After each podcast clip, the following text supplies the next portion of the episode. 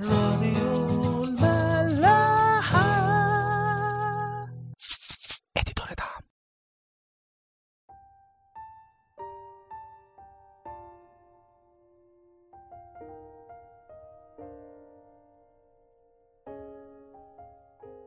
مساء الخير واهلا بيكم في عيش وملح.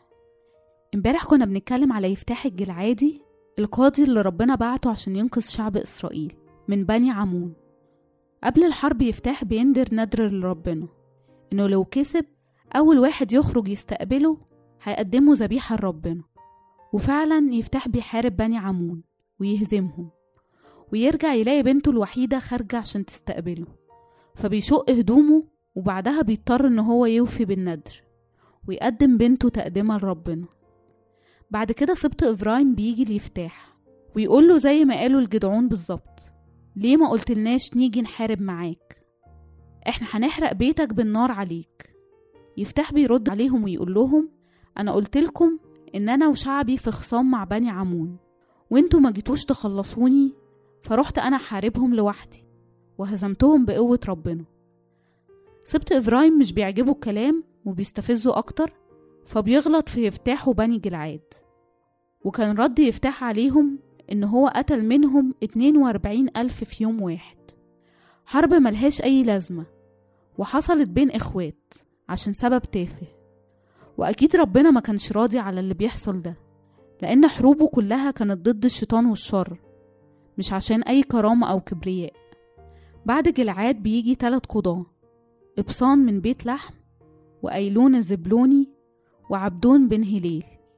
الكتاب ما بيذكرش قوي حاجة عنهم. الظاهر إن هو ما كانش فيه في وقتهم أحداث أو حروب.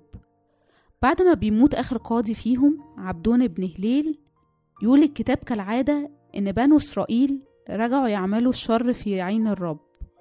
فربنا دفعهم المرة دي لإيد الفلسطينيين لمدة أربعين سنة. وزي ما في حرب وأعداء على شعب ربنا لازم ربنا يبعت مخلص أو قاضي عشان ينقذ شعب ربنا. المخلص المرة دي شمشون بن منوح. إصحاح 13 بيتكلم على منوح راجل من عشيرة دان منوح مراته كانت عاقر ما بتخلفش. فبيظهر لها ملاك ربنا ويقول لها ها أنت عاقر لم تلدي ولكنك تحبلين وتلدين ابنا. والآن فاحذري ولا تشربي خمرا ولا مسكرا ولا تأكلي شيئا نجسا فها إنك تحبلين وتلدين ابنا. ولا يعلي موس رأسه لأن الصبي يكون نذيرا لله من البطن وهو يبدأ يخلص إسرائيل من يد الفلسطينيين. زي ما قلنا قبل كده إن القضاة دول كان كلهم رمز للمسيح اللي هيجي يخلص شعبه بعد كده. هنا ملاك ربنا بيبشر مرات منوح بابن هيجي ويخلص شعب إسرائيل زي ما ملاك البشارة جا وقال ليوسف. إن العذراء مريم هتجيب ولد اسمه يسوع. هيجي ويخلص شعبه من خطاياهم. زمان في الوقت ده الناس كانت بتدين أي حد ما بيخلفش.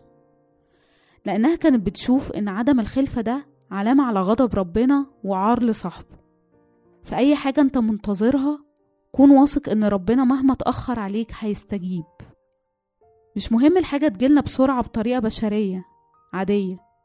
أهم حاجة إن الحاجة تيجي من إيد ربنا حتى ولو بعد فترة. وحتى لو خلال الفترة دي كان في ناس بتتخيل إن ربنا سايبنا وغضبان علينا أو حتى بتشوه صورتنا وتقلل منا. ربنا هو اللي هيقف ويحامي عنا ضد كلام الناس أو إدانتهم وتعييرهم. الملاك بيقول لمرات منوح أنت عاقر لم تلدي ولكنك تحبلين وتلدين ابنا.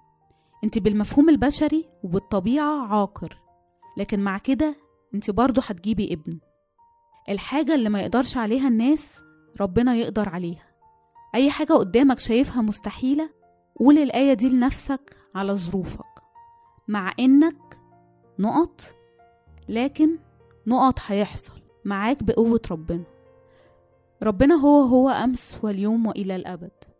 قصص الكتاب دي مش محطوطة عشان نعجب بيها على إنها قصص حصلت مع ناس في الماضي ونقف عند كده وبس. كل واحد منا زي كل الأسامي اللي بنقولها دول والمعجزات اللي حصلت معاهم لغاية دلوقتي بتحصل. ربنا زي ما خلى سارة وحنة وأليصابات ومرات منوح وغيرهم كتير قوي في الكتاب يخلفوا وهم عاقر لغاية دلوقتي يقدر يدي أطفال لأي حد بيطلب بإيمان ولجاجة زي ما هم كانوا بيعملوا. لغاية دلوقتي ممكن يطلع شياطين ويقدر يشفي كل أنواع المرضى عمي وعرج وسم وبرص وخرس في لوقا خمسة ربنا يسوع المسيح لما جابوله المفلوج قال له اذهب مغفورة لك خطاياك. ولما لقاهم بدأوا يتكلموا مع بعض إن إزاي إنسان يقول كده يغفر الخطايا وفي الآخر ما شافهوش رد عليهم وقال لهم أنه أسهل أقول له مغفورة لك خطاياك ولا أشفيه؟ وبعدها قال له فعلا قم وأحمل سريرك وامشي. عشان يوريهم إن هو قادر فعلا يشفيه مش بيتكلم وخلاص. المسيح مهتم أولا بشفائنا الروحي وبخلاصنا وبغفران خطايانا لكنه في نفس الوقت مش بينسى احتياجاتنا الجسدية. أكيد هيشفينا من ضعفاتنا وأمراضنا الجسدية.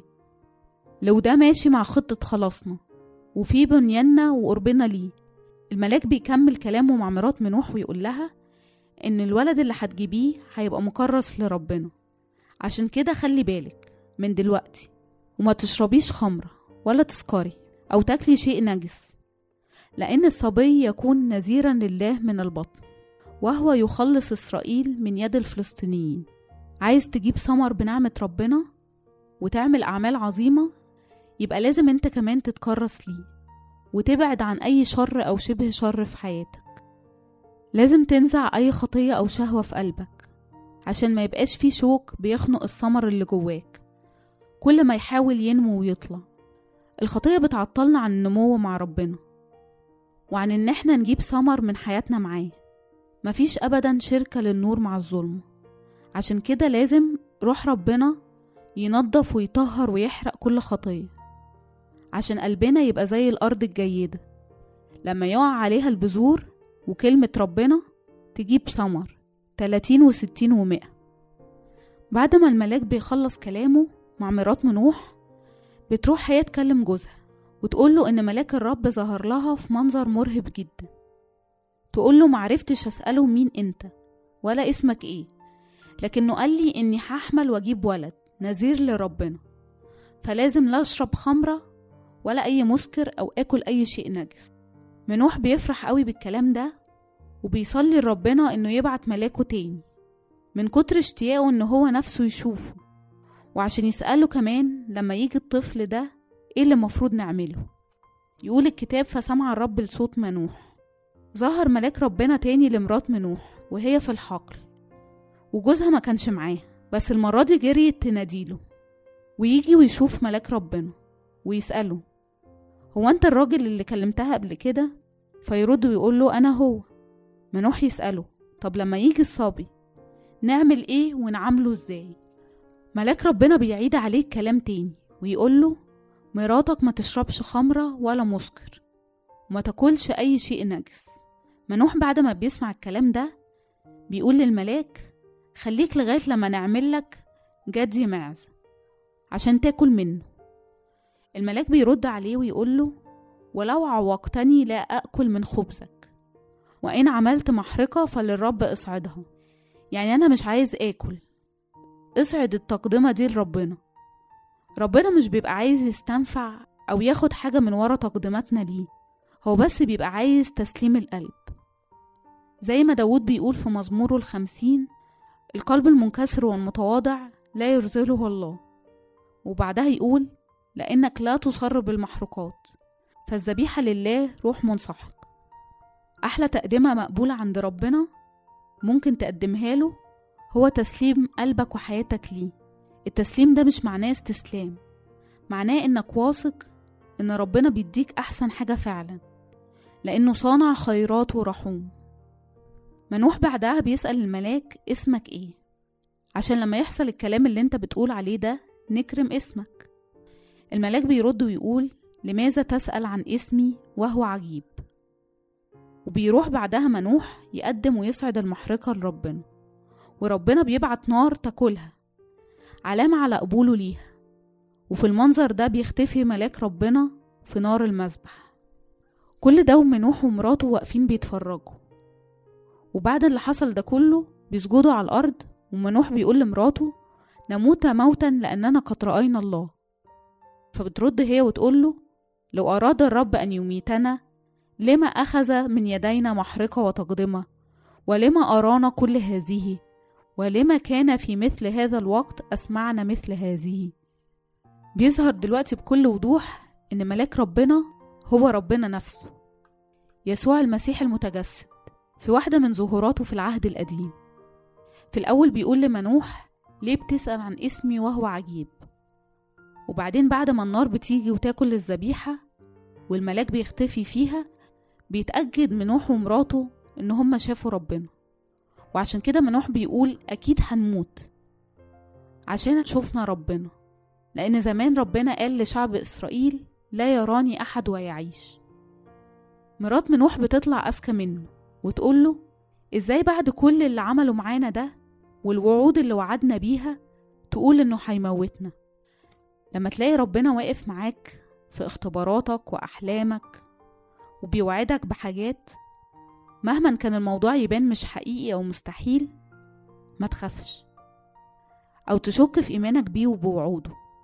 طول ما أنت جواك روحه هو بيبعتلك إعلانات ورسايل عشان تتمسك بيه أكتر.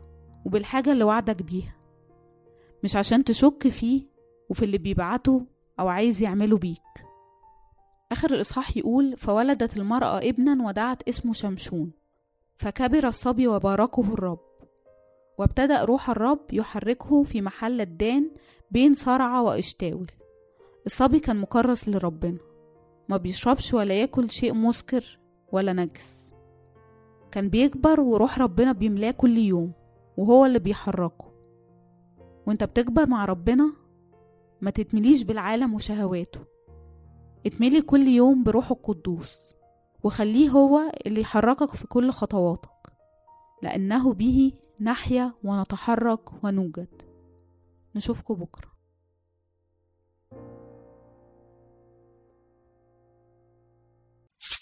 راديو ملاح. دي دنيا تا